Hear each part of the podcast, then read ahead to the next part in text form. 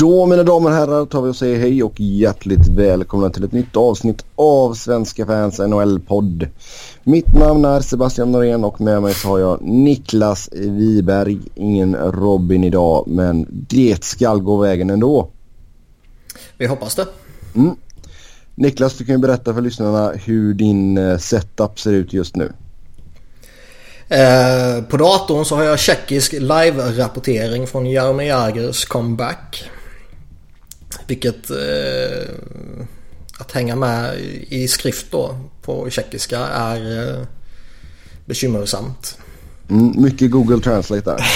ja, det blir en del. Eh, till vänster har jag Arsenal på plattan och Philadelphia i telefonen och till höger har jag musen och en öl. Mm. Så det är mycket att hålla reda på. Och så ska jag prata med dig också. Ja. Nej, det, Någonting kommer ju fallera. Frågan är vilket. Jättekorta svar från Niklas idag. Vi, vi får se hur det går. kanske han låter ut ett vrål ifall, eller ifall Arsenal i mål igen. Det blir eh, ja, nej eller mm svar. Exakt. Yes, vi ska självklart ta och snacka om det senaste som hänt i ligan. Det var ett tag sedan vi hördes av sist. Sen har vi även ett gäng av era lyssnarfrågor kanske inte kommer att uh, hinna med alla idag men tack så jättemycket till er som har skrivit in som vanligt. Först ut då Jaromir Jagr lånas ut till Kladno. Tjeckiska andra ligan och uh, som du sa där du full koll på hans comeback där nu när han går upp mot Peter Nedved som också kom ur, eller som inte som också kom ur, men som kom ur sin pension då för att spela. Ja, han slutade, jag, jag tror det var 2014 han slutade, så det är rätt många år. Den, oh, jävlar. Ändå kunna gå in och snöra på sig och göra ett, vad hade han, ett plus ett just nu? Ett plus ett. Ena målet snattade han upp från uh, slottet i, ja, oh, närheten av krysset typ. Uh, och sen, ja, random andra assist till, till, till kvitteringen. Och Jäger har gjort uh, två assist i första perioden. Så det är häftigt. Och den här är ju, uh, det här är gigantiskt nere i Tjeckien. Ja, det kan jag förstå. Det borde väl uh, gå på uh, statlig tv kanske. Kan man tycka. Ingen kan aning. Man tycka. Ingen aning. Mm. Däremot så är det lite intressant också för han spelar ju då i Kladno, klubben som han uh, äger också då ju. Eller ja. majoritetsägare rättare sagt. De har ju chans att gå upp till högsta ligan. Nu kan jag inte direkt ska jag påstå hur det tjeckiska kvalsystemet och allt sånt här fungerar. Men Inför dagens matcher så låg de ju trea i ligan i alla fall. Så de, de bör väl ha några som helst eh, hyggliga chanser i alla fall tycker jag. Utan att ha någon som helst koll på, mm. på hur det ser ut. Men skulle det visa sig att de eh, droppar av och inte... Eh, vad heter det? Inte har chans att kvala sig upp. Så har han ju också någon deal med... Eh, Oselari Trinec. Med uh, stor reservation för det Nej då, det var klockrent uttal säger jag. I, uh, tjeckiska högsta ligan då. Att han kan representera dem också. Okej. Okay. Uh, så att han kan gå dit och spela. Och vad har de? De har en Lukas Krajcek. Gamla mm. Flyers-backen är lagkapten där till exempel. Hur ligger de till i tabellen? Vi ska se. Han vill spela antingen kvalserie eller slutspel helt enkelt. De är trea i Häckenska högsta ligan. Ja. Alltså han vill ju spela upp sitt Kladno till att börja med. Men jo. skulle det visa sig att här det funkar inte och han har en chans att gå in och spela hem ett mästerskap någon annanstans så vill han väl göra det. Gissar jag utan att prata ja, med honom. Ja, eh, men som sagt då alltså han är tillbaka i Europa och i Tjeckien. Är det kan vi säga att NHL-karriären är över nu för Jagger? Den är ju det för denna säsongen. Mm. Men eh, om det är någonting man har lärt sig de här senaste åren så är det ju att man eh, aldrig kan räkna bort honom. Men tror du att han, för jag menar han känns ju ändå så som en träningsvillig människa. Vi har hört historierna hur om man du vet, kör extra själv ja. och du vet allt sånt där Eh, och har mer eller mindre nyckel till isen eller ishallen. Tror du han skulle kunna tänka sig att ta ett tryout-kontrakt?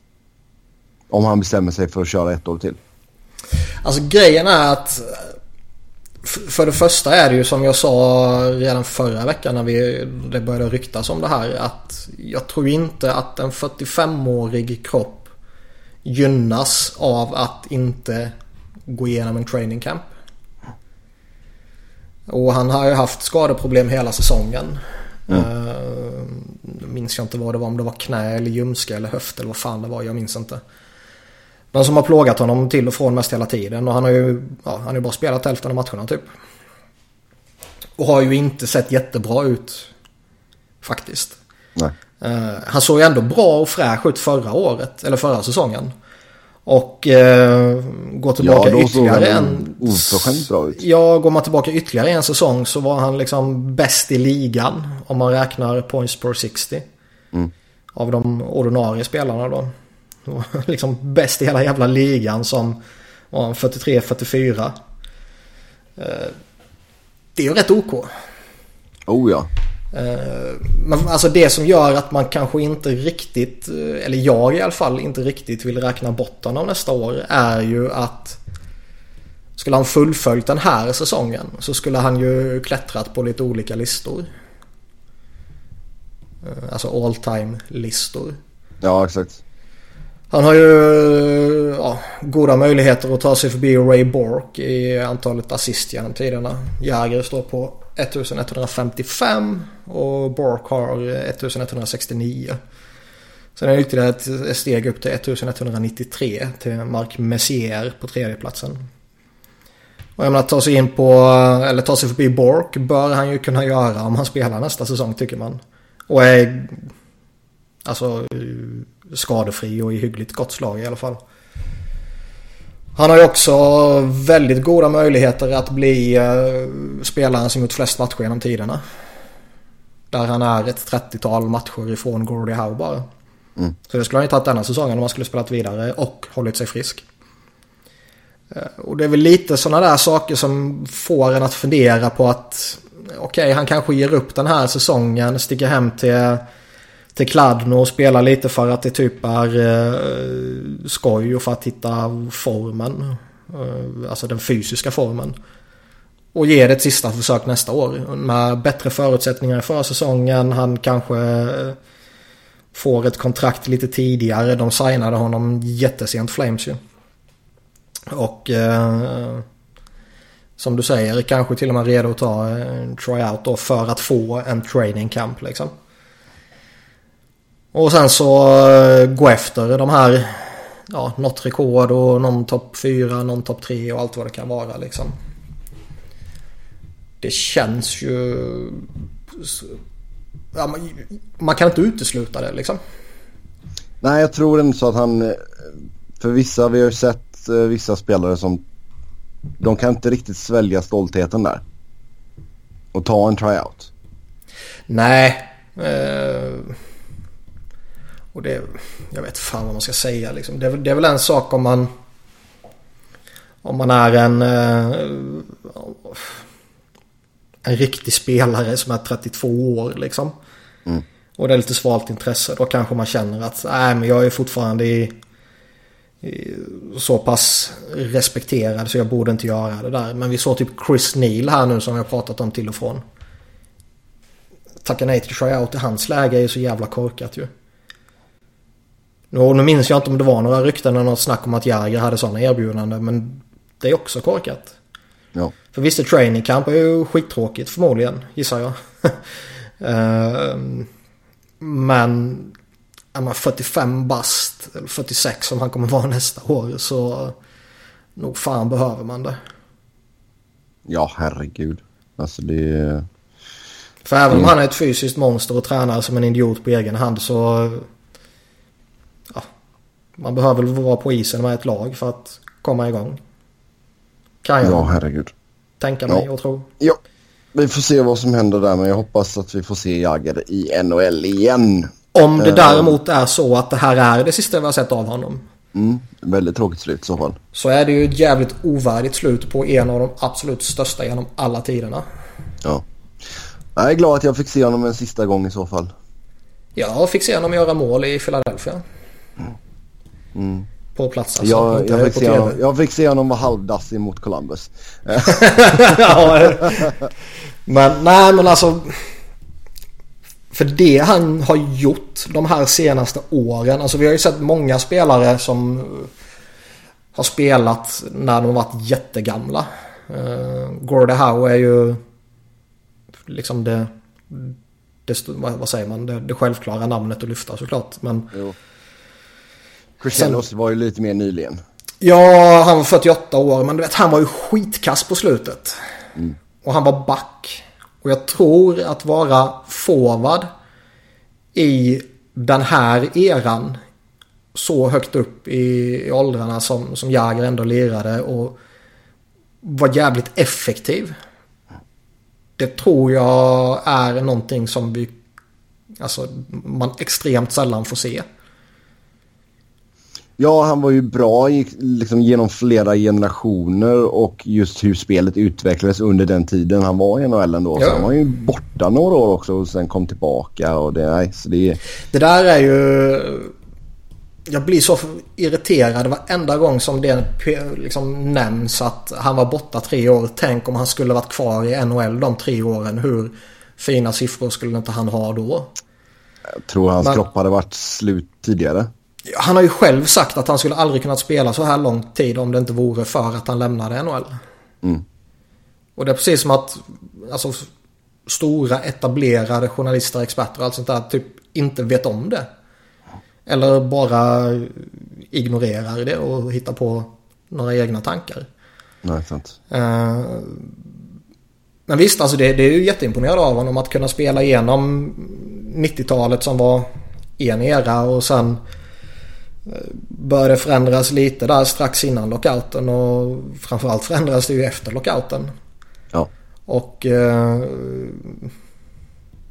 jag menar då började han ju ösa in poäng på ett eh, galet sätt igen. Liksom. Och sen så lämna, komma tillbaka eh, och alltså jag kommer ihåg när han signade för Flyers där eh, efter comebacken. Man var ju toktaggad. Det var ju hur stort som helst. Jäger är för mig superstor. Det är ju få spelare som jag har på allvar fallit för som inte är Philadelphia-spelare. Eh, Men han är en sån. Och det är som jag sagt tidigare, jag har ju en Pittsburgh-tröja på väggen som signerad med Jagr liksom. Så det, det säger väl rätt mycket om hur högt jag håller Det honom. säger en jäkla massa. Ehm, men när han kom till Flyers där 2011 och spelade den säsongen och de sen lät honom gå. Kändes det ändå som att Ja men det var rätt beslut. Han missade 10-12 matcher eller något sånt där har jag för mig och eh, På grund av lite ljumskproblem och så kände man att ja det var häftigt med honom men Ska man verkligen signa upp en sån gammal gubbe? Ja, eh, på, på ett... Alltså han vill ju ha ett relativt dyrt. Jag tror han signade för 3,3 med Flyers. Och eh, ville väl ha 4,5 har jag för mig i det nya kontraktet. Mm. Och det kändes ändå som att, ja men rätt att låta honom gå. Och sen mest för att man kände att, ja, det var kanske en one hit wonder efter comebacken här. Så man går han in och så spelar han ytterligare, vad blir det, en, två, tre, fyra, fem riktigt bra säsonger innan det blev lite olyckligt nu. Ja. Ehm, Nej, det är ett unikum. Ja, det är det. Och ska man liksom titta vad han har för någon position i historien så... Alltså räcker att titta på tidernas poängliga och assistliga och hur många matcher han har spelat och allt sånt där så ser man ju att ja, han är legendarisk på alla sätt och vis. Oh ja, absolut. Eh, Men det är ju inte heller... eh, Han är väl en, alltså, jag, nu, kan jag, nu får vi tänka lite men menar, om du, om du tänker europeiska forwards i alla fall. Men det finns ju ingen som hotar honom. Det finns ju tre Nej. europeer som står ut över alla andra för min del. Och det är ju Jagr såklart. Sen är det Lidas och Hasek. Mm. Och sen kan man bunta ihop ett gäng en bra bit efter de tre. Eh, nu är ju de tre olika positioner alla tre. Så det är ju svårt att jämföra dem liksom. Ska man Ska man hålla Haseks ja, extrema 90-tal högst? Vill... Eller ska man hålla Lidas 15 år i den absoluta toppen liksom? Och mm. alla Norris och rekord han satte som första europé med eh, Conn Smythe och första europeiska lagkapten och allt vad det var liksom. Eller ska man ta Jagger som gör något liksom unheard of och är en superstjärna från eh, liksom, när gick han in? 90 eller 91? Jag minns inte. Och eh, ja, fram till 2017 liksom är han superstjärna i ligan. Ja. I princip. Nej, det är väl, alltså där ska man väl dela upp dem lite efter position kan jag tycka. Och då är han ju i alla fall bland forwards. Ja, alltså jag känner att objektivt kan jag ju inte eh, egentligen välja någon av dem. Jag tror väl ändå att Lidström och Jäger står ut lite mer än vad Hasek gör. Mest för att jag tycker att konkurrensen liksom uppe i, i toppen av tidernas bästa målvakter är så jävla tight. Mm. Uh, välja Hasek, Ra eller Brodeur är... Alltså det är, det är omöjligt att säga vilket egentligen kan jag tycka. Ja. Uh, men... Lidas och Jäger står ut lite på, på ett tydligare sätt tycker jag. Däremot särskiljer jag de två. Om man bara ska prata den största europeiska spelaren genom tiderna tycker jag är jättesvårt rent objektivt. Så där är jag subjektiv och väljer Jäger. Ja. Mest för att det är en personlig favorit. Mm. Ehm, jag hoppas fan det vore coolt om han gör en sista säsong nästa säsong och får ett värdigt avslut. Och tar sig förbi uh, Bork och Messier och Howe och allt vad det var i de olika listorna. Signa ett ettårskontrakt med Vegas. Uh, ja. ja, det skulle dra folk, mer folk. Uh, fast de inte har haft några problem med det. Uh, sen Carrie Underwood tyckte att det var tråkigt att ha Mike Fisher gå runt hemma i mjukisbyxor hela dagarna. Så han uh, skickades tillbaka till Predators där han nu ska göra comeback. Jag tror nog att det är, alltså nu är inte det den officiella storyn, men det skulle inte förvåna mig ifall det ligger någonting i att han går hemma och är rastlös och hon bara, men vad fan, gå tillbaka då. jo, så kan det säkert vara. Eh, men eh, det verkar ju som att det är Nashville som har tagit första kontakten och inte tvärtom så att säga. Mm. Ja, men varför inte? Uh, nej, men alltså Mike Fisher är ju... Om man förutsätter att han håller samma... Eh, eller inte samma, men typ samma nivå som han gjorde senast. Mm. Så är det ju en... Han kommer ju gå in och vara en stabil, gedigen bottom six-center för dem. Som de vet exakt vad de får. Eh, på gott och ont. Han är ju inte vad han en gång var. Men eh, ja, alltså det är ju den där vad ska man säga? Det här är den klassiska traden som en contender gör inför trade deadline för att få in någon veteran för lite djup för att bygga upp något bättre. Ja. Uh, nu signar de en snubbe som de känner utan och innan och han känner laget och organisationen och precis allting. De riskerar ingenting. De ger inte upp någonting alltså i en trade.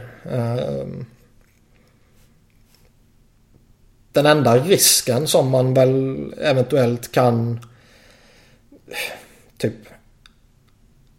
leta fram om man nu vill hitta någon risk är väl uh, en tidigare lagkapten slängs in i omklädningsrummet igen. Mm. Kommer det ställa till det? Kommer alla hitta sina platser direkt? Och du vet det där tjafset. Jag tror personligen inte det är några problem men vill man hitta någonting så är det väl det man hittar. Ja exakt. Annars tycker jag väl att det här är coolt och häftigt och charmigt och positivt för Preds. Som ju fortfarande är på forwardsjakt också. Ja. Ja, så det är en liten pusselbit där i alla fall. Mm. Sen Magnus Pääjärvi gick till Ottawa via Waivers. Så Erik Karlsson får en till svensk att leka med där. Eh, New York Islanders har sagt att man inte kommer byta bort John Tavares. Man hoppas fortfarande att få en löst en förlängning där. Det, ja, alltså det börjar ju bli lite ont om tid kan jag tycka.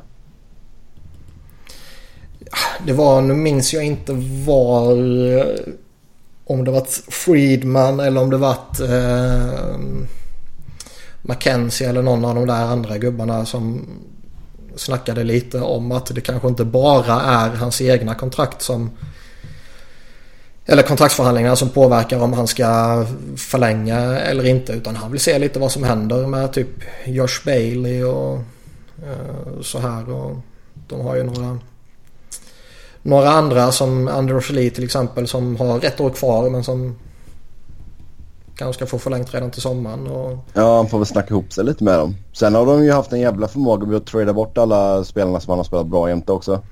ja, uh, men... Alltså det...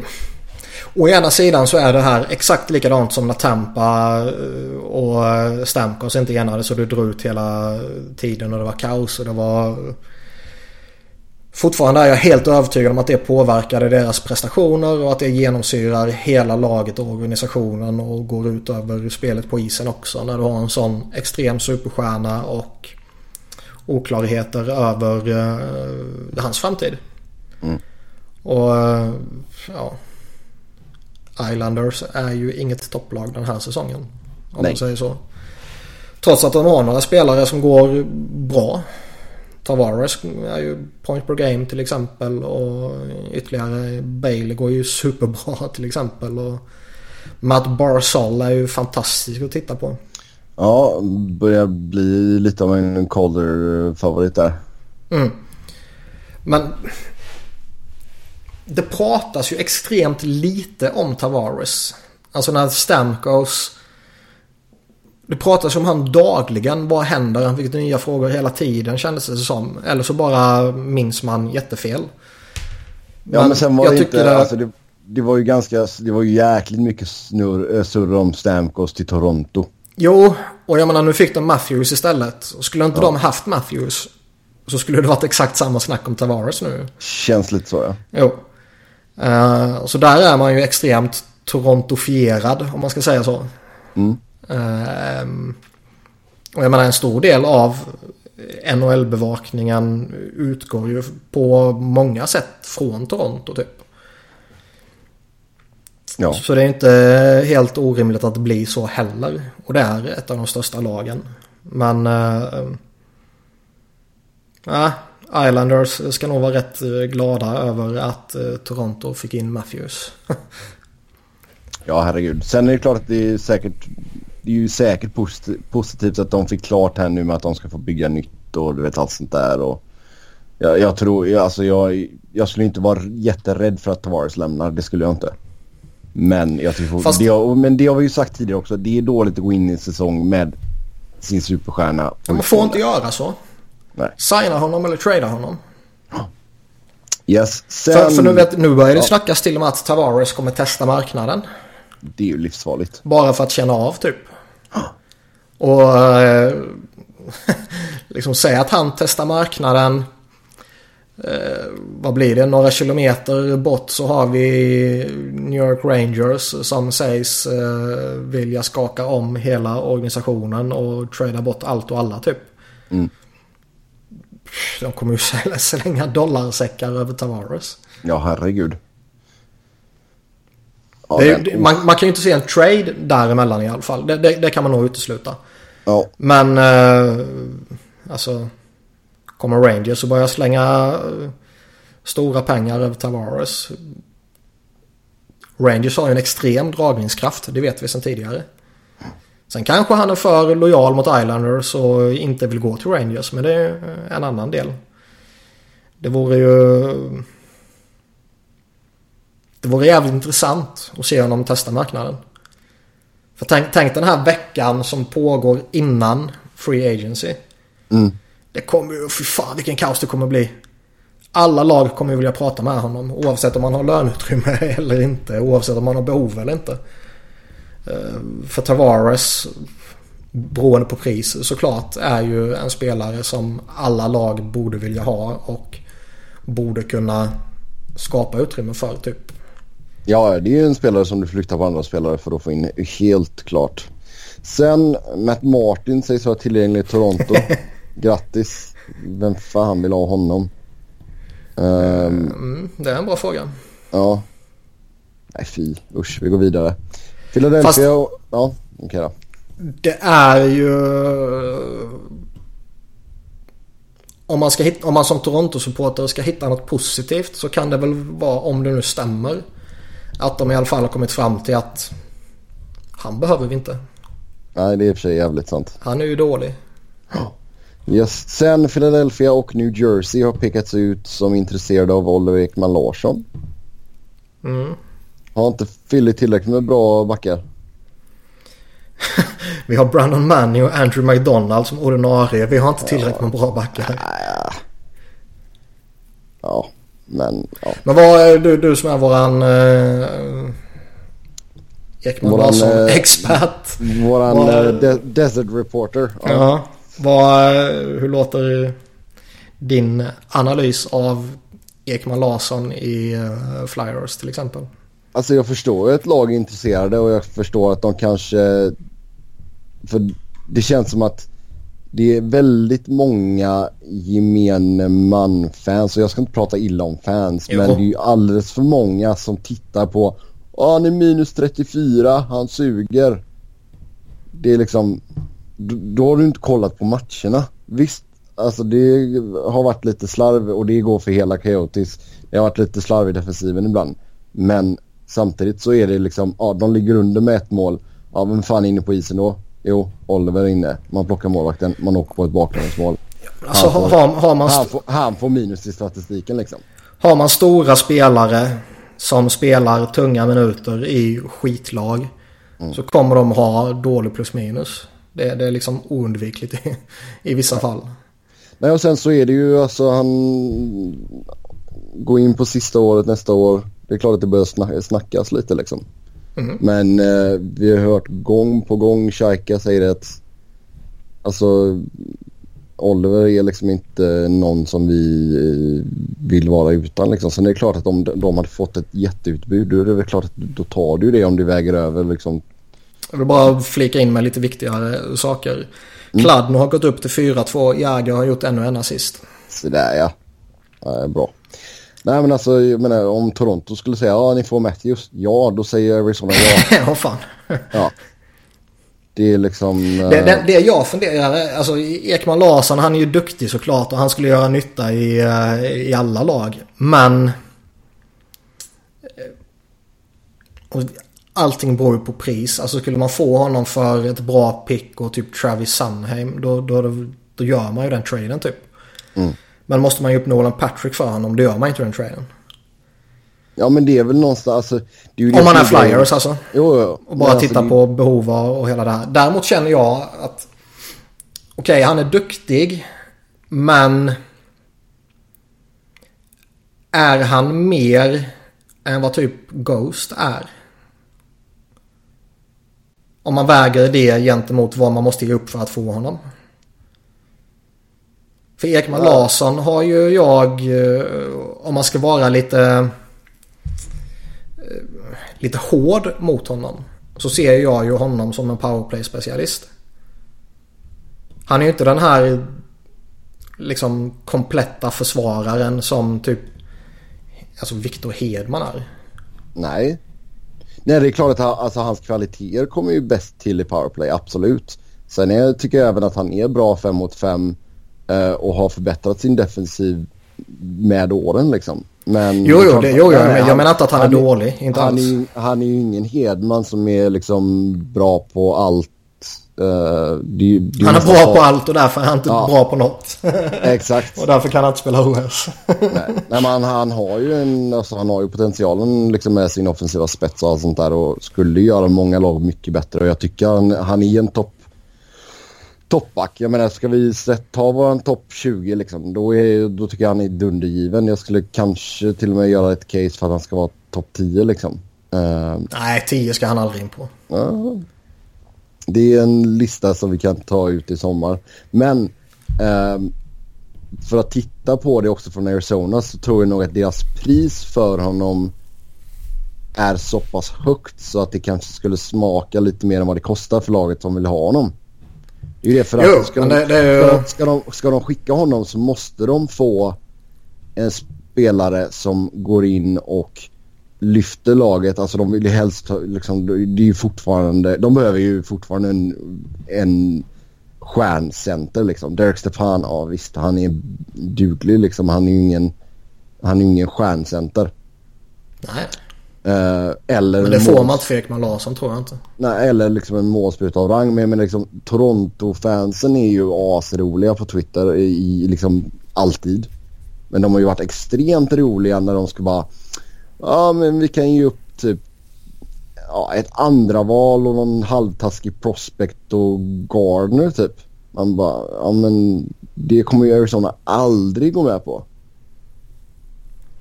Det... Ja. Å ena sidan så, jag menar vilket, med tanke på vilket fördelaktigt kontrakt han har suttit på här. Så skulle man fått ut max för honom så skulle det ju förmodligen varit för några år sedan. Ja. Eh, nu är han ju också i det här läget som vi har pratat om kring vissa andra spelare, typ Erik Karlsson, att tradar man för honom nu så kan man inte garantera en förlängning. Nej. Vilket ju också gör att ja, men ska jag trada för honom så då vill inte jag göra det förrän till sommaren i så fall. För det är där man kan baka in en förlängning i, i samma veva så att man vet man har honom. Så att man inte bara ger upp honom för en och en halv säsong. Nej, alltså vissa, det- vissa lag kan, kan ju göra det. Ta typ som vi säkert kommer att återkomma till så småningom. Men typ Tampa Bay liksom. De är ju i ett läge där de kan göra en sån trade för en spelare som har ett och ett halvt år kvar utan att egentligen oroa sig över tiden efter det kontraktet. Ja, herregud. För de är en sån bona fide contender. De har liksom en... Ett, i, utöver kanske en till försvarare så har de ett komplett lag. Och de har eh, god eh, plats under lönetaket. De har fantastiska prospects på uppgång. De har sina picks kvar som de kan trada hela det här köret. Så de är ju i ett jättebra läge. Absolut. Men, eh, det är inte alla som är det. så- Där börjar de ju få lite mer dragningskraft också kan jag känna. Jo. Men jag, jag det- menar bara liksom att det är inte alla lag som kan ta in en spelare utan att... Eller betala dyrt för att få in en spelare utan att få garanti om förlängning. Nej. Nej men jag, jag, har svårt att, jag har svårt att se att en sån trade skulle komma till här nu. Sen ser jag lite, om man bara tar ur Philadelphia-perspektiv så känns det ju som att... Okej, du tar in Ekman Larsson som... Liksom... Vem av han och Ghost ska man plocka bort från första uppställningen i powerplay? Mm. Ja. ja det, är- För jag menar det är ju statistiskt bevisat i hela det här köret att ja, man gör fler mål med fyra forwards. Ja. Nej men och sen alltså sen. Jag kan ju känna från det alltså, jag, som jag har sett och läst av Arizona och allting den här säsongen. Alltså, det känns ju på ett sätt som att det kan ha påverkat honom lite när det var verkligen Shane Doan. Man sa nej tack till honom. Doan mer eller mindre själv sa att ah, men då blir La Oliver kapten då. Och sen kommer Tocket in och så ska man köra den här löjliga liksom en miljard assisterande, tre- eh, assisterande kaptener istället. Och alltså Tocket blir jag ju inte klok på för fem öre. Jag kommer inte exakt ihåg vad vi sa om honom när vi pratade om utnämningen i somras. Eller jag har ingen jävla aning vad vi sa. Alltså vi, vi sa Men- väl att det var dags för dem att gå vidare i alla fall. Det var det ju. Men vi, sen var ju Tocket ett liksom, hyfsat oprövat kort ändå liksom. Jo, det är det ju. Sen har han ju varit extremt uppskattad och verkar vara väldigt duktig på det han har gjort i Pittsburgh som assisterande i alla fall. Eller Ja. så... eh, Ja.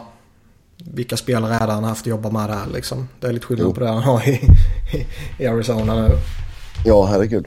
Och jag menar coachjobbet i Arizona är ju inte det enklaste direkt. Nej. Nej, men, så det vad som händer för men jag tror inte han kommer att tradas under säsong. Kanske då att det skulle kunna hända någonting i sommar ifall Arizona känner att liksom, ja, vi kommer inte kunna ha råd att ha kvar honom. Ja, vill han vara kvar överhuvudtaget? Det tror jag nog att han vill. Eh, jag vet inte så inne på Arizona-spåret så är det spekulationer om att Antiranta kan vara på väg bort. Uh, han missade ju match här häromdagen för att han var med i en liten bilolycka. Uh, vilket fick folk att spekulera hejvilt innan det kom fram också. Uh, Men ja, sitter på utgående och Arizona är ju inte i närheten av en slutspelsplats.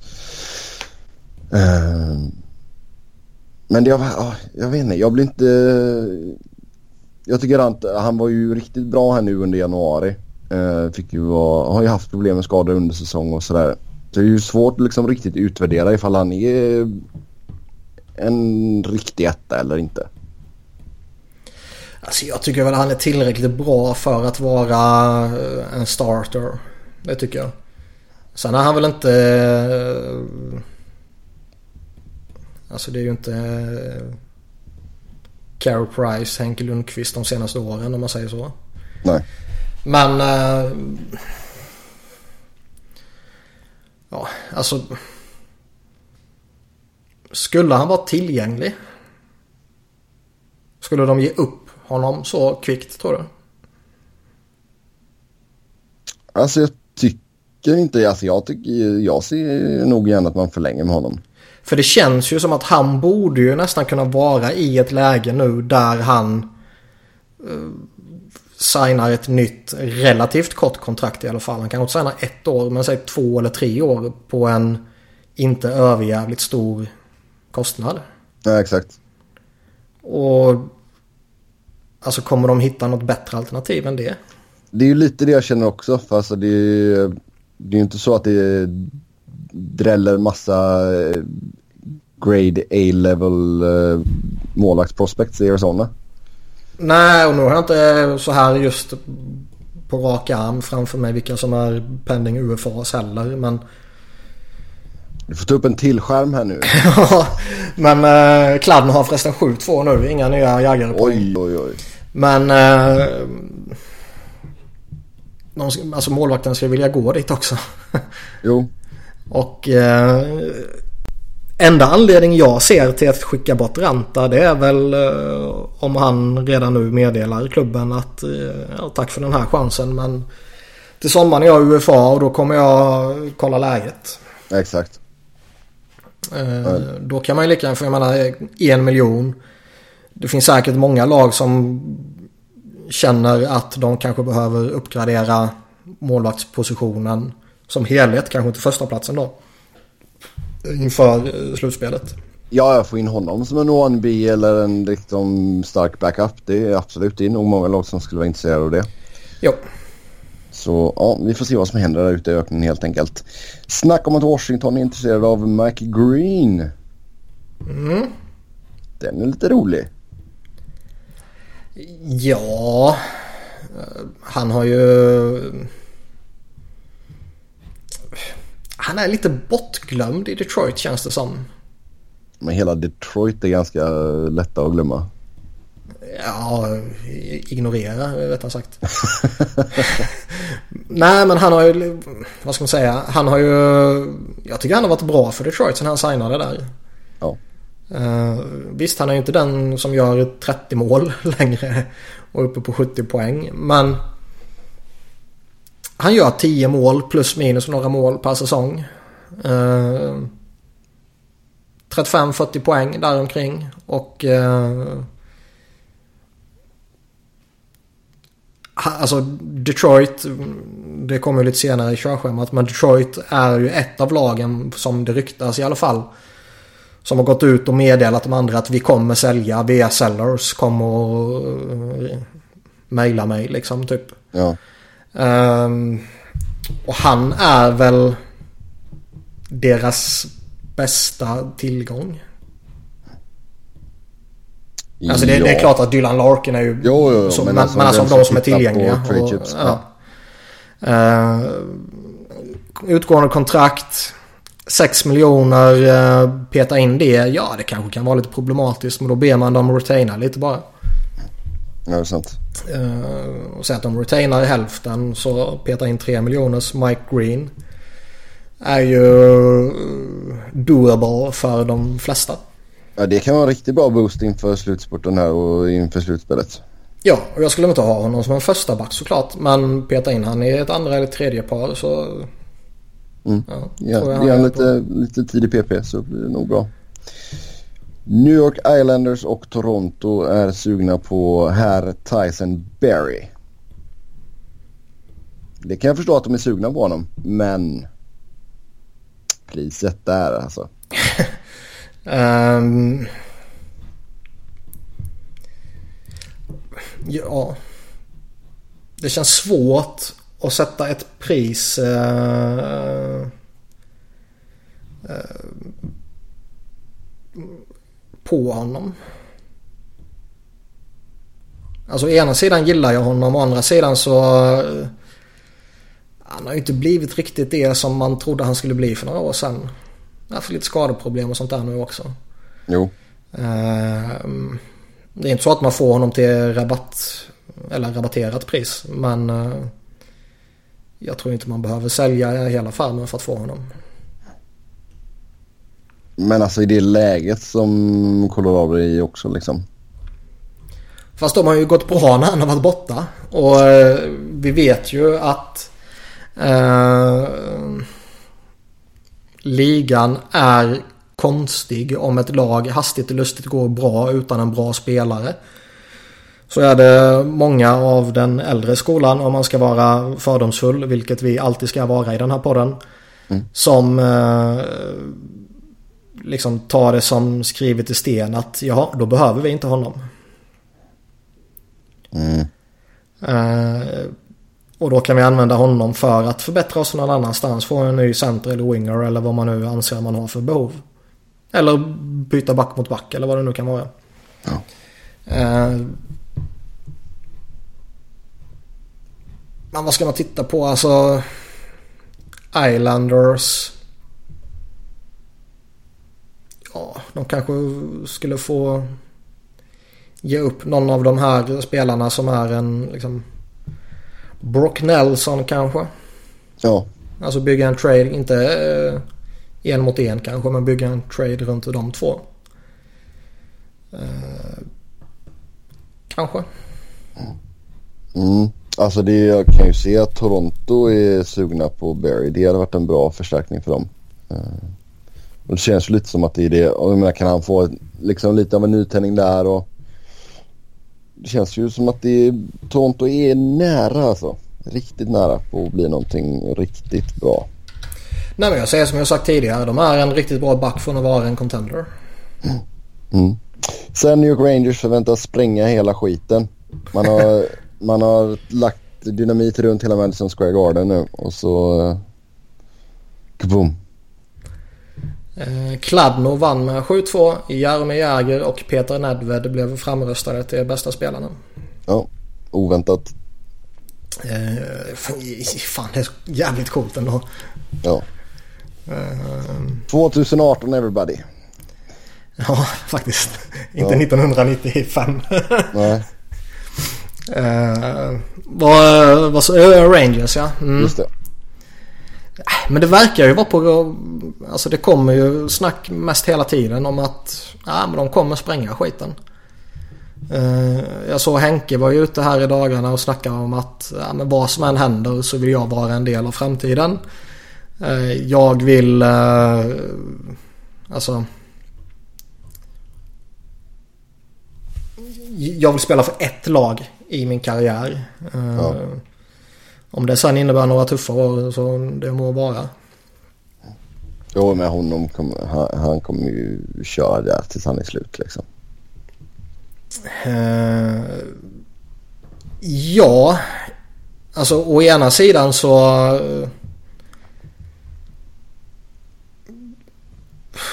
Vad fan ska man säga? Jag vill formulera det på ett vettigt sätt. Alltså å, å ena sidan så...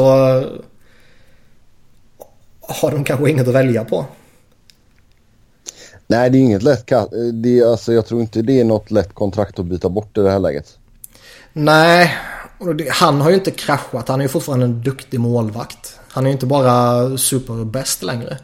Nej, nej. Uh, men ta in det kontraktet känns för en 35-årig målvakt känns som att Visst man ska aldrig underskatta vad en Peter Chiarelli kan göra eller eh, Dorian upp i åtta eller sån här men Det borde inte vara alltså, Möjligt. Eh, nej. nej. Du är alltid välkommen hem till Frölunda Henke. ja. Du hade behövts idag. Slanta, slanta Frölunda upp eh, 8,5 miljoner dollar för honom. Nej det gör de ju inte. Nej. Men han kan, han får köra, han får ta lite fler reklamjobb bara. Ja, han hittar något nytt schampo. Han får flytta hem, han får dela lägenhet med Joel. Uh. uh. Nej men alltså jag, jag, kan väl ändå så förstå att man vill göra en rokad här nu. Man har ändå så kört på samma core ett tag här och det har inte liksom inte... Man gjorde lite små grejer då när man skickade Stepan och Ranta och... Ja. Nej men jag menar ska man vara väldigt hård så har de ju kört på sin core utan att det har gett någonting. Eh, visst man var i final ett år och man har gått långt i slutspelen men eh, alltså om vi förutsätter, vilket vi givetvis gör, att Rangers inte kommer vinna kuppen de närmsta åren. Så är det ju ändå ett misslyckande att gå igenom 10, 12, 15 år med den här erans bästa målvakt och inte vinna kuppen. Ja. Eh, så är det ju oundvikligen tycker jag.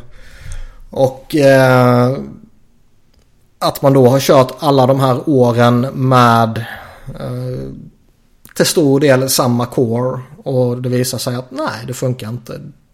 Då är det ju inte konstigt att man spränger skiten. Mm. Men om du skulle plocka ett par spelare då som från det här laget, vilka skulle du välja att behålla? Så att du skulle ha en handfull spelare. Vilka känner du att de borde ändå säga att visst vi vill spränga skiten men de här kommer att vara kvar? Grejen är att jag tror inte Rangers är ett lag som spränger skiten och börjar om från noll. Och du vet är ett bottenlag i 3-4 år för att samla pix och hela det köret.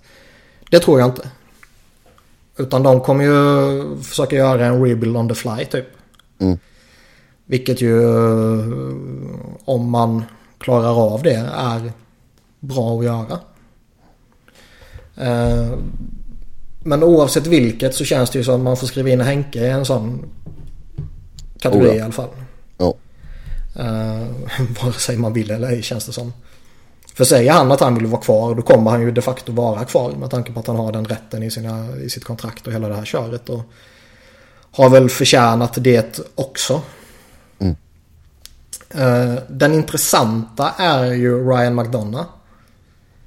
Som jag anser är en jätteduktig back och han är lagkapten och uh, allt vad det innebär. Men och jag minns inte om det var han vi pratade om eller var någon annan vi pratade om förra eller förra, förra avsnittet. Där vi pratade om det här att nu kommer man till det här tuffa beslutet där du har en back som när kontraktet går ut är 30 bast och ska ha det här stora kontraktet. För han har ju varit på ett extremt gynnsamt kontrakt. Oh ja. nu, som går ut då efter säsongen 18-19 på 4,7 miljoner. Och eh, där ska det plussas på några miljoner. Ja, han ska väl upp på åtta. Ja, runt omkring. Ja, 7,5. Eh, kanske inte riktigt så högt som åtta, men strax under något sånt. Mm. Um, och det är ju det här, okej okay, ska man förlänga med en sån back eller ska man skicka honom? Å ena sidan så jag menar han kanske spelar till han och håller en hög nivå till han är 37 liksom. Eller så eh, visar det sig att när han är 31-32 så dippar han av något fruktansvärt. Så där är de ju ett jätteintressant läge och eh, det ska bli jävligt intressant att följa vad som händer med honom. För de har ju rätt många sådana här pusselbitar som, ja det ska vara spännande att se vad de gör med Rick Nash och eh, Grabner till exempel. En sån här som jag tror kommer vara jätteattraktiv framåt trade deadline. Eh, och ytterligare någon där. Men McDonough är ju den, den absolut mest intressanta spelaren. Mm. Och han är ju också en sån där spelare som typ Tampa Bay liksom. De kan ju ta och ta in honom, få en jättebra spelare på ett jättebra kontrakt. Och så bryr de sig inte om liksom oron över att man inte kan säkra upp honom direkt. Nej, exakt. För de kan ju, de kan ju upp picks och prospects utan att det påverkar deras contender-status eller deras framtid på något sätt. Så länge de inte gör liksom som Rangers gjorde för några år sedan och bara skicka allt. Ja, exakt. Och inte ha kvar någonting. Det är ju dumdristigt. Om man inte jo. vinner. Jo men, jo men det är väl det som är lite grejen också just med Rangers. Att man har gett upp så jäkla mycket och levt i nuet så extremt mycket. Och ändå så har du ingen kupp att visa upp. Nej. Så ja, det blir väldigt intressant att följa i alla fall. Men jag, jag vet ju ärligt talat inte själv vad jag skulle göra med honom. Å ena sidan så känns det som att McDonough kan vara en spelare som håller en bra nivå i rätt många år. Å andra sidan så har han missat väldigt många matcher genom åren. Mm. Eller väldigt många men uh, han missar matcher varje säsong. Ja. Och uh, ger det ytterligare några år sen kanske kroppen har tagit tillräckligt med stryk. Ja det är sant. Sen, ja vi går vidare. Vancouver föredrar att signa Eric Branson på ett flerårskontrakt. Benning, vad gör du? Nu har vi varit snälla mot dig lite och då, ja. Ska man fortsätta vara snälla mot honom så är ju det här i så fall eh, något som de bara har planterat i media för att försöka driva upp priset. Ja. För han verkar ju vara attraktiv vilket är så jävla absurt att säga allting om kompetensen hos GMs. Jag förstår inte den överhuvudtaget. Nej. Uh, och, och liksom, det känns som att Vancouver borde kunna få någonting bra för honom. Det är inte så att man får en super prospect.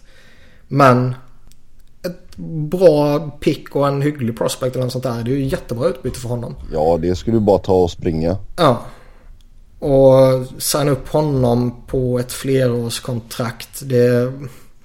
Visst, han är bara 26 år. Han är inte 33. Det är en jävla skillnad. Men... Eh, nej, det skulle jag fan inte göra alltså. Nej. Han är inte bra. Nej, nej synd. Hade stora förhoppningar på honom när han kom fram. Eh, Micke Backlund sägs vilja ha 5 miljoner på 5-6 år. Det vill jag också ha. ja, jag vill ha mer än så. Nej, men jag menar det är väl inte på något sätt orimliga krav från honom. Han har ju utvecklats fint i Flames och är ju en av deras nyckelspelare. Ja. Personligen så håller jag ju fortfarande typ Johnny Hockey och Sean Monahan och Matt Tachak och, och sådär. Hamilton Giordano håller jag lite före honom just i, om man pratar core. Mm. Men han är ju en, en jätteviktig spelare för dem. Ja. Och jag tror att det skulle vara jobbigt för dem att tappa honom. Oh ja. Och skulle han nå gå till Free Agency så bör ju en stor del av ligan vara sugna på honom. Mm. Men alltså 5 miljoner, du känner inte att det är, det är vad han ska ha liksom? Eller? Jag tycker väl inte det är orimligt egentligen om han får lite mer än det. Mm. Uh, jag menar han, han kommer från 47 poäng, 53 poäng. Han är uppe i 33 poäng nu och kommer väl göra ytterligare 15-20 poäng minst i alla fall. Så han verkar ha hittat någon nivå där känns det som. Ja. Ja, och det är ju en och, ganska stabil eller bra nivå också. Ja. Och Så. får han 5,5 eller där runt omkring det är väl inte orimligt heller. Sen är det fortfarande oklart vad tvillingarna Sedin vill göra nästa säsong. Mm. Tycker du att de borde ge besked redan nu eller? Jag vet inte. Uh, nu gjorde Philadelphia mål. Ja, grattis. Nu ligger de under med 2-1 eller? ja, exakt. Ja. Notera att jag inte har nämnt någonting om den matchen tidigare. Kan ja. inflägga Aaron Ramsey gjort hattrick och Mkhitaryan gjort tre assist. Ja. Uh, så det var rätt val att sätta Arsenal på plattan och få Flyers på telefonen. Men... Uh, alltså jag vet inte riktigt vad jag ska tycka om Sedinarna. Å ena sidan så... Uh, tycker jag ju någonstans att... Fan, bestäm er vad ni ska göra. Liksom ut... Alltså slutet av den här säsongen kan omöjligtvis påverka er status inför kommande säsong. Om det inte är så givetvis att de bryter benet eller någonting. Jo. Uh, å ena sidan så tycker jag att fan jag har nästan en skyldighet att meddela så fort som möjligt. Uh, visst det är Bo Horvath och Brock Boser och så här som har tagit över laget lite men är fortfarande liksom ryggraden i laget. Meddela klubben så de vet hur de ska agera. Å andra sidan så fan de har förtjänat att göra precis hur de vill. Mm. Jo men det, det, där håller jag med dig faktiskt. Alltså, de har ju verkligen blivit en del av Vancouver och liksom varit där så många år. Så det är klart att de borde väl få ta den tiden de, de vill. Men samtidigt så känner de att ja, men det är nog bra detta. Det räcker nog detta. Sen så har alltså de har ju fortfarande mer, eller visst saker kan ju förändras och de kanske säger en sak utåt och säger en annan sak internt och så vidare. Men de har ju ändå kommunicerat ut att de inte vill lämna Vancouver. Mm. Så där borde man väl fortfarande kunna förutsätta att fram till man hör något annat så är det det som gäller. Ja, ja, alltså det känns ju som att är Vancouver, lägga av eller gå hem till Modo. Ja, typ. Um... Sen är det ju, och jag vet att jag har suttit och sagt så jävla många gånger att det är så tråkigt att se en stor spelare spela en hel karriär i ett lag och sen avsluta med 20 matcher i ett slutspel i ett annat lag bara försöka vinna kuppen. Och fan jag hatar det när man sitter och tittar statistikrader och sådär mm. grejer. Men... Eh... Det, alltså jag kan ju ändå uppskatta ifall de går och vinner då. Jo, det är ju en förutsättning för att det ska vara lite häftigt. Men just ja. det här att de är en sån extrem duo. Man, man borde kunna få till en trade med Vancouver där de som jag pratat om tidigare, retainar 50%. Då är det liksom 7 miljoner du ska peta in. Mm. Och det borde väldigt många lag kunna lösa genom att dela iväg någon annan spelare i en separat trade eller i, i Sedin-traden liksom. Ja. Uh, men de ju vilja det själva också. Jo, exakt. Sen kan de ju alltid göra det och försöka vinna kuppen och sen gå tillbaka och köra ett sista år i Vancouver. Men det ser ju också konstigt ut såklart på statistikraden. Men... Jo, men sånt sker ju. Mm. Um... Men det känns, ja nej. Jag... Fan, jag tror de spelar ett år till i Vancouver. Mm, hur ligger Modo till? Uh, de har väl allt i egna händer nu. Okej. Okay. Uh, men... Uh, eller, Alltså det, det är ju inte så att de leder tabellen, inte det jag menar. Men de ligger ju på... Uh, nu, nu tar jag, vad fan heter det? Slutspelserien går man in i va? Kanske det heter. Där har de ju... Alltså, det är upp till dem själva om de ska ta en sån plats för att få möjlighet att kvala sig upp. Ja. Uh, det känns väl som ska de flytta hem så är det väl SHL-spel. Flyttar de hem och ja, spelar i Hockeyallsvenskan? Nej, det vet jag inte. Ja, då kanske man lägger av helt och hållet eller lirar ett år till i Canucks.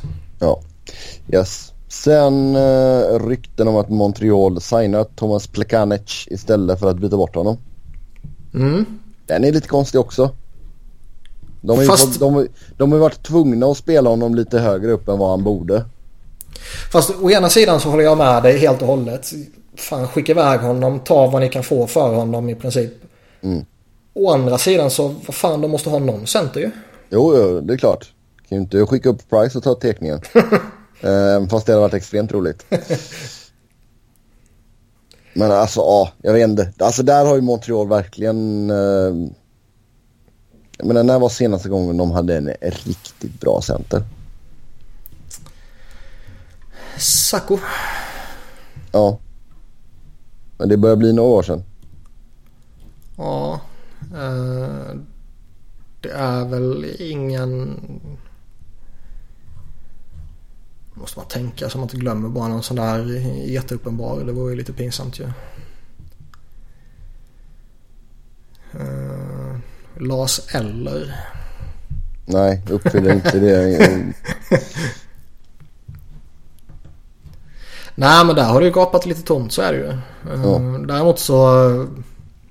Fan det kan ju varit någon efter Sacco såklart. Det, det är möjligt. Men ingen sådär som man kommer på bara direkt. Money Malhotra. Du, alltså de här namnen du säger gör ju ingenting för att övertyga mig. Scott Gomez. Nej, inte i närheten. Nej, så jag menar det är ett uppenbart hål de har i, i laget där liksom. Och det har ju fått Plekanic och liksom ändå så steppat upp och gjort ett okej okay jobb. Men ja, han ska inte, han ska inte vara där. Men eh, ja, nej, kan man hitta något bättre så visst, signa honom då. Men man tycker ändå att de kommer ju inte ordna upp den här säsongen. Nej, det ska nog jävligt Det ska mycket väldigt mycket till tror jag. Även mm. om det inom citationstecken bara är 10 poäng upp. Så känns det som att det är lite för mycket kaos där. Det funkar inte riktigt. Det är rätt många lag mellan dem och slutspelsplatserna och så vidare. Och, mm, väl om Carey Price bara köttar på med en sån här monsteravslutning. Ja. Då... Eh, ja visst, men, men det känns inte så värst sannolikt. Så de de ska ju sälja av liksom. Och de har ju inte jättemycket spännande att sälja av. Det är ju det som är problemet för dem då ju. Ja, exakt. Utan antingen är det ju en Pacioretty som de kommer få jättebra betalt för. Eller en Galchenyuk eller Gallagher eller vad det nu kan vara bara för att röra om i grytan lite. Men mm. tittar man på pending UFAs så är det Thomas Plekanic, det är Thomas, eller Ali Shemski och uh, Antiniemi som är etablerade typ. Ja. Nicolas Deslaer räknar jag inte ens. Nej. Jakob Jarabek, ja, det är kanske någon som tar chans på honom men å andra sidan kanske de vill förlänga med honom också. Uh, fan, sälj av det lilla du kan, bygga upp lite nya tillgångar i Pix och kanske någon halvdan prospect du kan få och så här. Och, alltså du borde kunna signa en uh, ny Plekanic till sommaren. Ja. Nå någon jävel som är OK kommer alltid nå free agency. Eh, och liksom, ja. Nej, så skicka iväg honom bara. Det är sant. Ja. Vi går vidare. Tampa Bay på backjakt och här och där så har Erik Karlsson placerats i Tampa Bay. Det hade ju varit... Fan, genom kuppen bara. Fast det är lite det här som jag hintade om tidigare också. Tampa Bay har ju alltså allting för att kunna göra det här. Mm. De har gått om uh, Capspace. De, de kan uh, peta in uh, bra spelare både denna säsongen och de har bra förutsättningar inför framtiden. Där de har sin core uppsignad. Det är uh, Namestnikov som inte är signad men han är RFA så där har de lite kontroll över det. Ja exakt. Annars har de ju sin core uppsignad. Stamkos, Palat, Johnson, Kutjerov. Visst han ska ha nytt om... Eller ja, till sommaren ska han signa nytt egentligen då väl. Men, men uh, han är i alla fall signad nästa år också. Uh, Hedman, Strålman, Vasilevski och sen har de typ Sergachev Point på entry level kontrakt fortfarande. De har ytterligare någon uh, intressant prospect på uppgång. Och uh, man är ju en bona fide contender på alla sätt och vis. Jag tycker det är svårt att peka ut just denna säsongen några, eller någon så här klar favorit. För det är så jävla tajt och jämnt och eh, en liten formtopp eller formdipp kan förändra allting typ. Ja. Men Tampa är ju ett av lagen som man ovillkorligen kan säga att de kommer att bli jävligt farliga. Mm. För jag vägrar ju fortfarande säga det om Vegas. Ja, ja, ja. Men Tampa... Ja, visst. Man, beroende, alltså man kan ju åka i första rundan givetvis beroende på vad man får för något där och hela det köret. Men eh, idag skulle jag ju måla upp Tampa som den klart största favoriten. Och de har liksom utrymme för att peta in ytterligare någonting. Och eh, de har möjlighet att betala för att göra det. De kan offra prospects. De har sina picks eh, inför framtiden. De har alla sina egna val de kommande tre åren. Plus ett sjunde val från LA till sommaren. Mm. Så man kan liksom offra picks. Och de är i ett läge där det eh, inte är några problem att offra picks heller. Och det är inga problem att offra prospects heller. Nej, men alltså hur... Så länge man inte gör det Rangers-liknande då som vi sa tidigare. Jo, jo exakt. Men alltså pilla in Erik Karlsson det hade ju varit helt galet verkligen. Det är ju kriminellt ju fan. Snuskigt bra tror jag. Men eh, och där. Alltså jag tror inte Ottawa... Jag menar, är, är, är man verkligen jätteledsen att inte behöva betala hans lön där sen? Nej, det är som jag pratat om tidigare. Det finns väl en anledning till att de bråkar lite. Ja dumsnål ägare liksom som... Ja, snål på riktigt. Ja.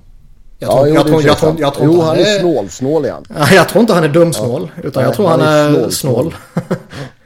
det är en jävla skillnad. ja, det är det faktiskt. Det är det verkligen. Uh, snål, snål ägare då. Så jag menar, skulle de få tillbaka ett gäng med prospects och uh, några picks och sådär. Så ja, då uh, ler ju han åt det i alla fall. Jo, ja. Sen är det klart att, ja, vem fan ska vara eh, stjärnspelaren i Ottawa om Erik Karlsson lämnar? Det är ju en helt annan fråga. Men pilla, honom, pilla in honom i Tampa och oj oj. Då har det blivit åka av. Mm. Slava Vojnov vill återvända till LA. Nej tack säger jag. Um, i, uh. ju en jävla process om han ska uh, ta sig tillbaka till NHL. Jag har faktiskt skrivit fel. Det skulle stå NHL. Ja. Uh, han vill återvända till NHL. Jag vet inte om det specifikt har pratats om LA. Så det är jag som har skrivit fel. Alltså de har ju hans rights. Um... Jo, men jag, jag har inte, jag har inte läst någonting specifikt att han vill tillbaka till LA. Jag har bara läst att han vill tillbaka till NHL. Och det kan man ju tolka som att han vill till LA för att de fortfarande har kvar rättigheterna. Ja. Eller så vill han till NHL och liksom Ja, ja, vilket lag som helst. Han ja. skiter i vilket. Ja. ja. Alltså, tvär nej till att han ska tillbaka till LA. Då, då blir jag förbannad på riktigt. Alltså här, här är det ju problematiskt att... Uh... Men samtidigt tycker jag inte att han ska tillbaka till en eller att han ska tillåtas att spela i NHL heller. Nej, alltså det, det, han står ju inför några potentiellt uh, stora och många hinder. Där det å ena sidan pratas om att det fortfarande kan finnas eh, bestraffning från ligan. Ja. Att det, det, han kanske kommer tillbaka och sen blir han avstängd direkt. Eller så säger de redan innan att nej han får inte. Men sen är det också det här med immigration. Där han kanske inte kommer in i landet igen. Nej exakt. Och det finns massa osäkerhet kring, kring honom på många sätt. Och sen är han ett jävla rövhål. Ja. Eh, ja, det var ju precis innan han stack hem där. Så var det ju någon trade deadline, någon free agency, något sånt där. Där det helt plötsligt bara kom ett rykte om att Flyers går efter honom. Kommer du ihåg det? Ja. För fan vilken kaos det var där. En timme eller de två timmarna innan det liksom... Nej, nej, det är bara skit. Det är ingenting. Herre jävlar. Ja, nej, nej, alltså, nej, säger jag bara. Nej, skulle... sån jävla idiot vill man inte ha att göra med. Låta honom sitta kvar i Ryssland. Ja, det känns ju att inte ens Gary Bettman kan vara så jävla idiotisk så att han släpper tillbaka honom. Men alltså det beror ju helt och hållet på, tror jag, vilket lag det rör sig om och vilken ägare det rör sig om. För vi vet att olika lag och olika ägare är olika inflytelserika och mäktiga. Ja, alltså skulle Toronto Ta knacka liksom- på dörren där? Ja, man säger att Toronto gör det. Boston gör det.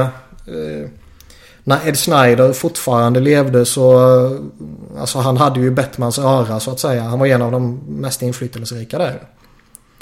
Eh, så beroende på vilket lag det är så kan man ju få olika eh, besked så att säga. Jo, det är klart. Ja, och sen alltså, jag menar, vi har ju sett i andra amerikanska sporter eh, också att även ifall du har gjort någonting jävligt dumt så är du tillräckligt bra så... Där då skiter folk i det. Ja, Då är det helt ointressant. Uh, och jag menar det såg vi också i LA där de backar Voinov så mycket det bara gick. Och uh, drog ner Mike Richards i skiten för att den ena var en duktig spelare och den andra var inte bra längre. Ja, nej, den... Ja, usch. Han är med i OS, det är tillräckligt illa. Men sä, säg att han går in och dominerar skiten ur OS. Och det är kanske inte så jävla svårt med tanke på vilken klass spelarna håller. Men säg att han gör det.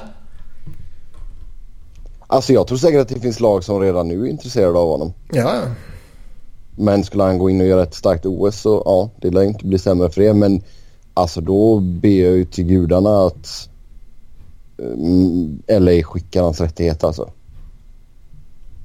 För ja till- eller, eller, alltså, eh, eller bara säger eh, dra åt helvete. Vi kommer behålla rättigheterna och du kommer inte spela i NHL så länge vi har rättigheterna. Ja, den skulle jag också gå med på. Det kommer inte ske. Brand Gionta har meddelat att han vill tillbaka till NHL. Ja, Vem vill ha Brian Gionta i frågan? det är en bra fråga och han är väl också en sån här snubbe som eh, kan få sin framtid bestämd i eh, OS. Mm. Han gjorde ju någon match, har jag, jag för mig, jag läste något om han gjorde någon eh, AHL-match här nu i, för Rochester. Där han gick in och nätade direkt och hela det här köret. Han är ifrån den stan och allt sånt här så det var väl lite häftigt. Och nu ska han vara lagkapten i, för USA och... eh, eh, ska han spela denna säsongen och det är samma med Mike Fisher som vi pratade om tidigare. Så måste han ju signa ett kontrakt innan trade deadline. Och OS-finalen har jag för mig spelas den 25 februari. Och trade deadline är den 26. Ja, snabba puckar, fax och grejer. ja. E-signature. Och jag menar rim, rimligtvis med tanke på att han inte har spelat denna säsongen så borde man ju... Om man nu vill signa honom så borde man ju rimligtvis vilja se honom i OS. Han kanske är där och så är han superbra. Ja, då kan det vara värt att signa honom. Eller så är han klappkast. Då vill man väl kanske inte signa honom. Ja, exakt. Eh, Men det är väl en spelare som fyller 39 år för eh, någon eller några veckor sedan och han var ju inte jättefräsch i slutet i Sabres heller. Vad fan ska man signa honom för? Nej, det... Nej. Jag ser inte riktigt att han kommer rosa marknaden direkt. Eh, Toronto tros ha kontaktat Columbus angående Jack Johnson. Mm. Din favoritspelare? Alltså, ja, ja, Jack Johnson. Men alltså visst, det skulle bredda backbesättningen lite men det är inte den backen de behöver. Nej, det är väl en rätt bra sammanfattning känner jag. Tack. Ja, någon jävla gång ska jag väl berömma dig. Men jag menar peta in han istället för Roman Polak är ju en uppgradering liksom. Ja. Sen är det inte säkert att de kommer peta Polak för honom. Men, men visst, absolut lägga in Jack Johnson där. Det förbättrar backbesättningen som helhet. Men eh, vore jag Toronto som jag nämnde tidigare skulle jag hellre gå efter en klart mycket bättre back. Någon som man Ja, kan där- slänga ut och som kan spela i 27 minuter i ett slutspel. Ja, exakt. Eller åtminstone någon som har liksom spetskvaliteter om det nu är PP eller någonting. Jo. Så det, det har inte Jack Johnson riktigt längre. Nej. Sen går det rykten om att St. Louis vill ha Carey Price. Om att man ska ha erbjudit Jake Allen, Robert Thomas och ett första rundsval. Ja. Eh, Känns som ett ganska billigt eh, erbjudande ändå. ja, eh, man nergraderar sig ju på målvaktspositionen. Och med ma- man menar jag ju då Montreal. Ja, Eh, man får in en first rounder som rimligtvis inte kommer vara första valet. Eh, och man får en prospect som är bra, kommer bli eh, nyttig. Men det är liksom ingen... Eh, han var, ja vad ska man säga. Det är ingen superprospect på det sättet. nej. Eh, det känns, jag vet inte riktigt var det här jävla ryktet kommer ifrån. Jag bara hittade någonstans och skrev in det för att det är skoj och, och snacka skit om Carol Price. Men... Eh, framförallt så ser jag liksom inte varför det finns lag som skulle trada för honom nu. Alltså vi har ju pratat om det här tidigare. Jag minns inte om det var så sent som förra veckan eller om det var ytterligare några veckor tidigare. Men han har inte ens gått in på det nya kontraktet än. Han har jätteskadeproblem och, och formen har dippat av och hela det här köret. Och han är 30 bast. Ja, Jag skulle aldrig trada för honom. Sen visst, han kan mycket väl sluta tillbaka och vara... eh, grym i 6-7 år. Men alltså, jo, Ja. men och, och samtidigt så känns det ju som att Montreals asking price för honom är skyhögt. Mm. Så jag menar, det här tror jag bara att de hade garvat åt. Ja, det känns jättekonstigt. Eh, För jag menar, är du Man Montreal nog- i det läget så vill du, då vill du typ ha Tarasenko eller någonting. Och det ska ju inte St. Louis gå med på. nej, det är ju galenskap ju. Så, eh, ja nej. Det, det är också en målvakt jag inte tror det, det kommer inte gå att trada honom. Även fast han kanske har jättegott rykte i ligan så nej. Det är väl lite som jag sa tidigare. Man ska aldrig underskatta Peter Chiarelli och gänget. Men... Nej, det känns bara så jätteosannolikt. Om det inte skulle vara så att man tog något sånt, alltså hade Montreal tagit det här budet så hade man ju ändå så... Jag vet inte, jag hade känt som att man hade sålt honom billigt ändå liksom. Oh ja. Eh, du sa tidigare Detroit har redan meddelat att man eh, är en seller. Eller man ska meddela till andra lag. Eh, vilka andra i ligan kan vi börja se som sellers? Vi kan ju Vilka? nämna lite Detroit först bara. The Ja. Bobfather gick ju ut här under kvällen och twittrade på lite om typ de två största contendersarna som typ Nashville och Tampa då. Där eh, han menar på att Tampa är på backjakt och kollar eh, alla de här namnen som man förväntas kolla och inklusive Ryan McDonough och så här. Eh, och Nashville Även efter de har signat Fisher här nu så vill de fortfarande ha en winger. Top 6 winger. Och han eh, nämnde väl typ Thomas Tatar och eh, Gustav Nyqvist som alternativ för det. Mm. mm. Eh, Men vem, vem har du av dem? Och Tatar och Nyqvist? Om du fick välja. Tatar. Okej. Mest för att jag känner att han är... Eh, ja, det är- finns en högre potential i honom fortfarande. Gustav Nyqvist tror jag... Eh, det känns som att han fortfarande kanske har ett litet rykte för vad han gjorde för några år sedan. När han var strax under 30 mål. Och han gick in och gjorde den där supersäsongen med nästan 30 mål på nästan 60 matcher och så här. Ja. Men eh, han har ju inte varit jättehet här mot slutet. Och Tatar tycker jag ändå... Nej, jag tilltalas lite mer av honom. Sen var jag Nashville skulle jag väl, jag menar det ryktas om Pacioretty och, och lite så här. Jag skulle hellre undersöka det. Sen beroende på pris såklart men... Uh, mm. Det är inte jättemycket spännande som finns i Detroit alltså. Nej. Nej, det är sant. Och det enda spännande som finns, de är ju inte tillgängliga. Nej. Nej, om vi tittar runt om i ligan då. Vilka andra sellers ser du? Alla bottenlag. Okej, okay. ja, det är vanliga då. Ja. Sen är det, det, det intressanta är de här lagen som har lite kontakt. Eh, eller jättemycket kontakt. Typ Rangers som vi pratade om tidigare. Om de rimligtvis så borde de ju inte spränga skiten som vi pratade om tidigare. Om de fortfarande är med på allvar i slutspelsracet. Men är de om två veckor en bra bit under strecket. Då kanske de springer skiten. Ja. Men typ Chicago liksom. De är lite sådär någonstans mellanting nu. Sex poäng. Det är ju ingenting egentligen. En vecka så är de ikapp typ. Men det är inte riktigt de vibbarna man har kring Chicago. Nej, det är inte det. Det är det verkligen inte. Åkte på en jobbig skada på uh, Crawford där. Mm. Uh, så det är några sådana där lag där i mellanskiktet. Islanders, Carolina, samma sak som ändå fortfarande har god kontakt på slutspelet. Sen är det ju... Visst, Philadelphia ligger på slutspelsplats nu men två veckor senare så kan de ju... Jag menar, de, blir, de gör det inte så jävla bra mot Ottawa nu. Nej.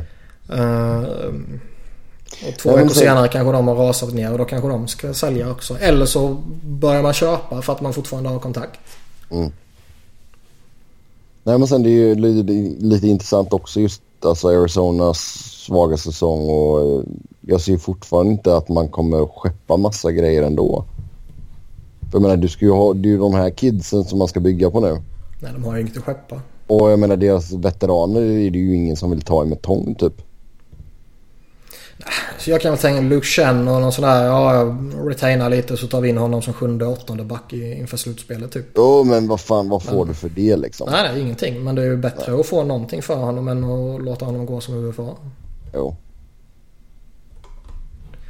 Uh, Buffalo har väl lite man kan säga i alla fall. Ja, och där har de ju framförallt Evander Kane. Ja. Ja, det är sant. Som det känns som att han kommer ju försvinna. Mm. Jag hoppas vi får en bra trade deadline helt enkelt. Mm. Eh, I dagarna så är det 25 år sedan Gary Bettman blev commissioner. Det är dags att gå i pension nu. Ska man sätta in någon sån här max? Att du inte får sitta mer än typ fem år? Tio år? Alltså... 25 år känns ju alldeles för länge.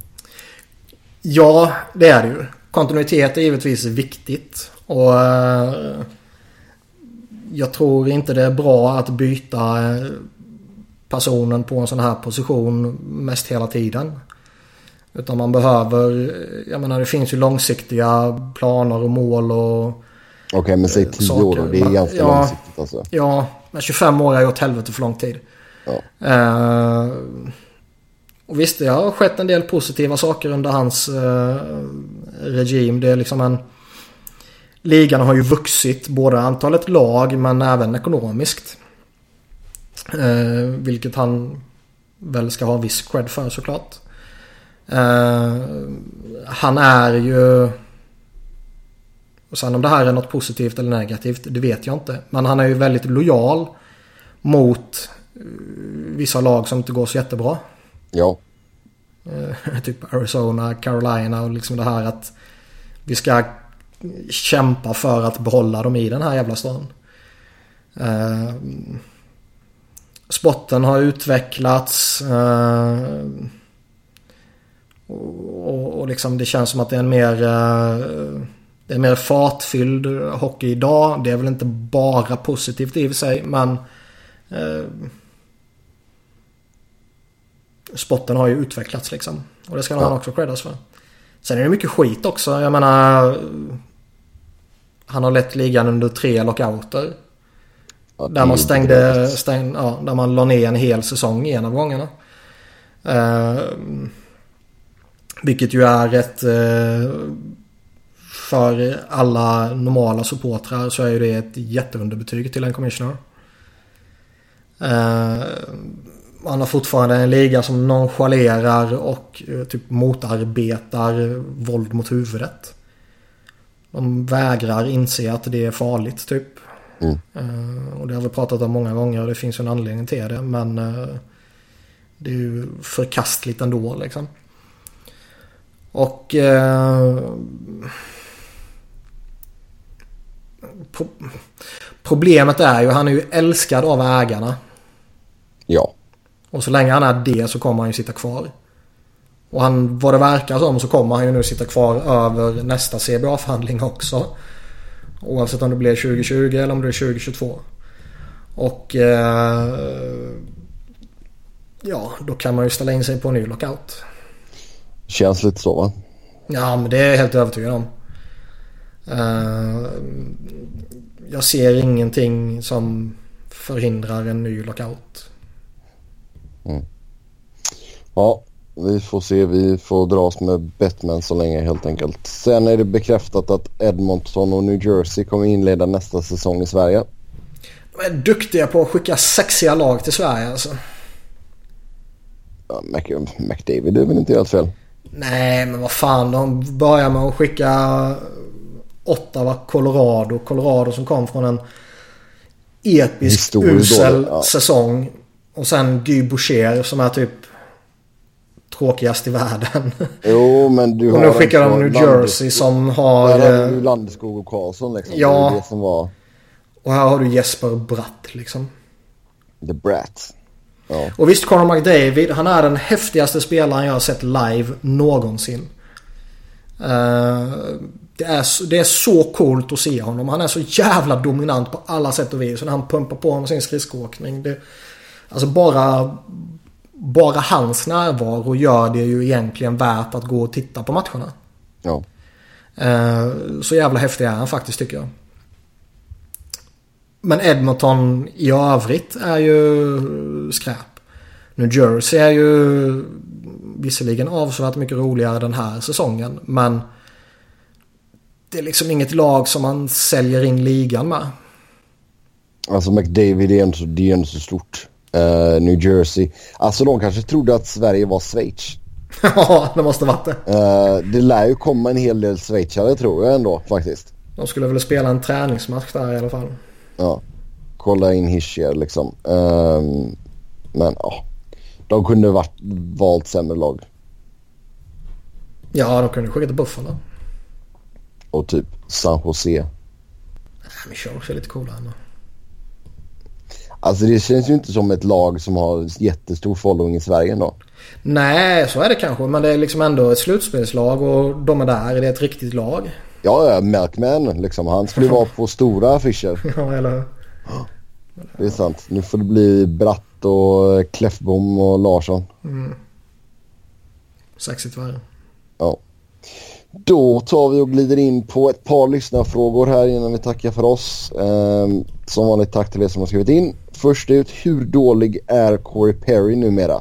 Fjärde femman nu, får en del gratispoäng i PP men ser för det mesta riktigt risig ut. Slits, slitsam spelstil men ändå klarat sig från skador. Kontrakt tre säsonger till. Ja du. Corey Perry alltså. Trodde ju ändå att han skulle studsa tillbaka. Ja. Eh, det här är ju en anmärkningsvärd säsong av honom. Mm. Eh, åtta balja bara är ju något man inte bara kan vifta bort anser jag. Eh, men jag vet inte riktigt alltså.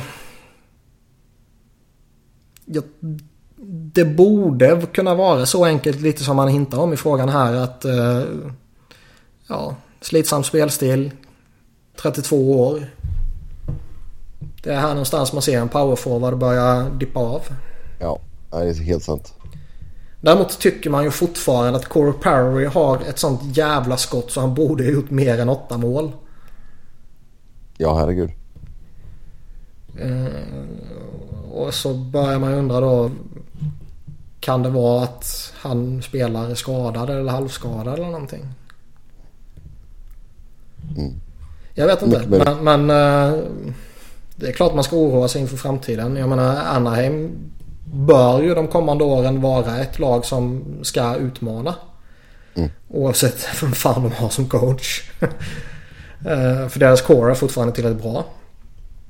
Eh, och att då ha en spelare med strax över 8,6 miljoners capita i bottom six som eh, inte ens gör några mål längre. Det är ju problematiskt. Ja. Mm. Ja, sen alltså, för jag menar, det var inte många säsonger sedan som vi ansåg eh, han och Getzlaff vara typ en av, en av hans bästa duos. Nej, jag menar Getzlaff han hade väl också en usel säsong för något eller några år sedan. Visst hade han? Ja, hade han inte lite problem med skador? Jag vet inte, jag kommer inte ihåg. Jag, jag, till skillnad från dig så har jag inte till, jag har inte tillräckligt många skärmar. uh, nej, det var ju 2012 jag... gjorde han 57 poäng bara på 82 matcher. Och 11 mål bara. Uh, efter att typ ja, varit en poängmaskin mer eller mindre tidigare. Men sen studsade han tillbaka igen ju och har gjort flera bra år nu. Och visst, han var lite yngre när han studsade tillbaka och kom igen och så här men... Eh, jag skulle ju inte utesluta att Perry kan göra det nästa säsong. Men... Eh, vore jag Anaheim-supporter skulle jag också börja oroa mig. Absolut. Sen nästa fråga här. Uh, funderade kring hur viktigt Stanley Cup-bucklan är för ett lag och dess fans. Ta två olika scenarion där ett. Laget vinner två Stanley Cups under tio år men övriga säsonger är det på Arizonas nivå. Alltså avhängda innan nyår. 2. Laget vinner ej Stanley Cup men är ett topplag varje år och är med långt i slutspelet. Visst är Stanley Cup störst men segt att spela i och följa lag som är usla och matcherna inte betyder något alls. Vad tycker ni och vad skulle ni välja för era lag? Alltså jag tar ju två kupper på tio år. Ja, men du fick inte välja två kupper. Varför inte då? Du fick välja en kupp. Nej. Eh, scenario ett är två kupper. Jaha, ja jag hade läst en bara. Ja, nej, ja, det var ju följdfrågan här då. Ja. Sen om det bara var en. Men första scenariot är två under tio år. Jag säger den tar jag lätt. Fast åtta år. Jo, men alltså det blir ju sån heartbreak om du är ett topplag varenda jävla år och så faller du på målsnöret hela jävla tiden. Nej, glöm det. Två kupper, alltså så glad Visst, som jag varit när Kings ja, har vunnit jo, de här två kupperna. Stanley Cup-serie är ju... Fattar jävla odräglig jag skulle bli när Flyers vinner. Ja, liksom. herregud. Men... men uh, en sån här säsong som är slut typ redan innan den har börjat. Alltså, ja, det är klart man, man tappar ju liksom tråkigt. intresse och sug och det är inte skoj längre och allt sånt här. Och det, det är ju, man, någonstans får man ju... I, I slutändan kommer jag ju förmodligen landa på samma som du gör här. Att eh, liksom hypen på två kuppar är så jävla extrem så det kompenserar ja. för allt annat. Men... Uh... Jag vill gärna sprida ut dem också. Så att det är typ alltså en och sen är det fem dåliga år och sen är det en. För detta vinna back-to-back och sen åtta miserabla ja, nej, nej, den hade varit lite jobbig. Ja. Frågan är då om man inte... Eller så tar man åtta miserabla år först och sen back-to-back. Fast fortsätter man att supporta laget så jävla hårt efter sex miserabla skitår. Okej, okay, fyra dåliga år back-to-back. Och sen fyra dåliga år till. Ja. Den hade kunnat funka också. Men eh, oavsett så, nej, scenario ett vinner för min del. Skulle det bara vara en Stanley Cup dock, då vet jag inte om jag är lika säker. Då, för då får man ändå så börja liksom väga alltså, av. Grejerna, jag, jag, jag, säger ju, jag säger ju hela tiden att ja, återigen vi går tillbaka till det här som Rangers har gjort. Liksom, man säljer allting som har med framtiden att göra. Man har ingenting kvar. Och vinner man kuppen är det värt det liksom. Det är ju lite den här frågan handlar om också. Ja. Men du vet, då har ju inte jag resonerat på kring tio år. Alltså, t- alltså åtta jävla skitsäsonger. Ehm. men nej, jag landar väl alltså, två Stanley Cup-titlar. Det är ju, den hypen är ju enorm. Så det, Ja. man landar väl där någonstans. Men jag, fan värt att resonera kring det innan man bestämmer sig. Ja, det är klart. Jag menar, tänk, tänk dig om Vancouver hade varit scenario två här. Det hade varit upplopp varenda år på Vancouvers gator. Ja, det var häftigt. Usch, herregud. eh, nästa fråga här då. Som det är nu så kan det ju bli så att Philly får äran att möta Tampa i första rundan. Hur många matcher blir det för Philly? Fyra eller lämnar de walkover efter tre? Eh, Ja, jag tolkar det som att Tampa lämnar walkover efter tre. Kloll. Ja. Nej men alltså hur tror du om de skulle gå upp mot varandra? 4-1, 4-2. Ja. Det är... Utan att ha någon som helst jävla belägg för det. Men det känns som att man många gånger förväntar sig att den här serien kommer svepas. Men att det typ väldigt sällan blir så. Ja. Någonstans så tar man alltid en match här och där. Man har någon jävla flyt eller motflyt och några powerplay-puckar som glider in. Eller någon målvakt som har vaknat på fel sida och sådana där saker i någon enstaka match. Men eh, det är klart man skulle få det tufft mot Tampa.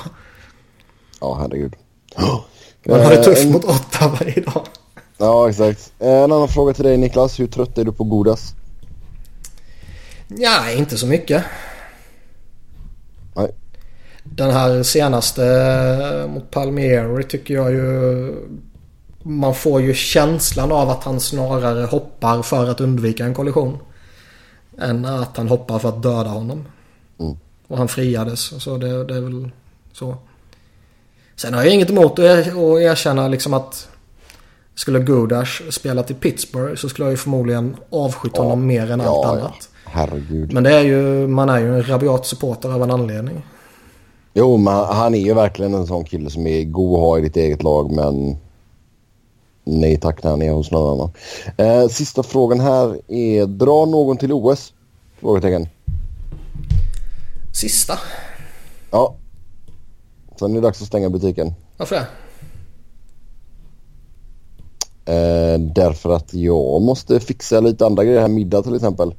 Trams. Ja, vi kör våra tips nästa gång eh, Robin är med oss. Ehm, drar någon till? Nej. De har ju gjort klart och tydligt att det tillåts inte. Nej, det hade varit coolt, men nej. Alltså även om... Ja, även om Ovechkin skulle ställa sig upp om en vecka och säga nu åker jag till eh, Sydkorea. Vi ses om några veckor. Så kommer ju inte IOF tillåta det. Det har de ju sagt att vi liksom... Vi kommer hedra varandras kontrakt. Det har vi ett Ja. avtal om. Jo. Nej, det är sant. Nej, det är tråkigt. OS, ja, halvjummet skulle jag väl, då är jag snäll. Halvjummet! Så jävla skittråkigt så det finns inte. Usla jävla matchtider. Eh, Vad är det för det- tidsskillnad mellan eh, Sydkorea och Sverige? Ja, jag kan inte exakt timmar så men eh, Sverige, Sverige spelar ju alltså matcher på morgonen eller mitt på dagen ibland och vissa matcher spelas ju 05. Fy fan. Jag tror finalen till exempel, vilket man ju typ ändå så här på förhand tycker jag kan måla upp Sverige-Ryssland som en, en potentiell final. Ja, kanske. Den spelas ju 05 har jag för mig. En Bra söndag planering morgon. där. Mm. Tur att det är en söndag morgon i alla fall. ja. Ja, med det så säger vi tack och hej för den här gången. Som vanligt så kan ni följa oss via Twitter. Mig heter ni på ett Noren. Niklas hittar ni på ett Niklas Wiberg. Niklas med C och enkel V. Robin om ni vill följa honom av någon anledning så finns han på R underscore Fredriksson. Eller om ni vill avfölja honom. Eller om ni vill avfölja honom. Helt, helt korrekt. Med det så tack tack och så hörs vi igen nästa gång. Tills dess ha det gött. Hej.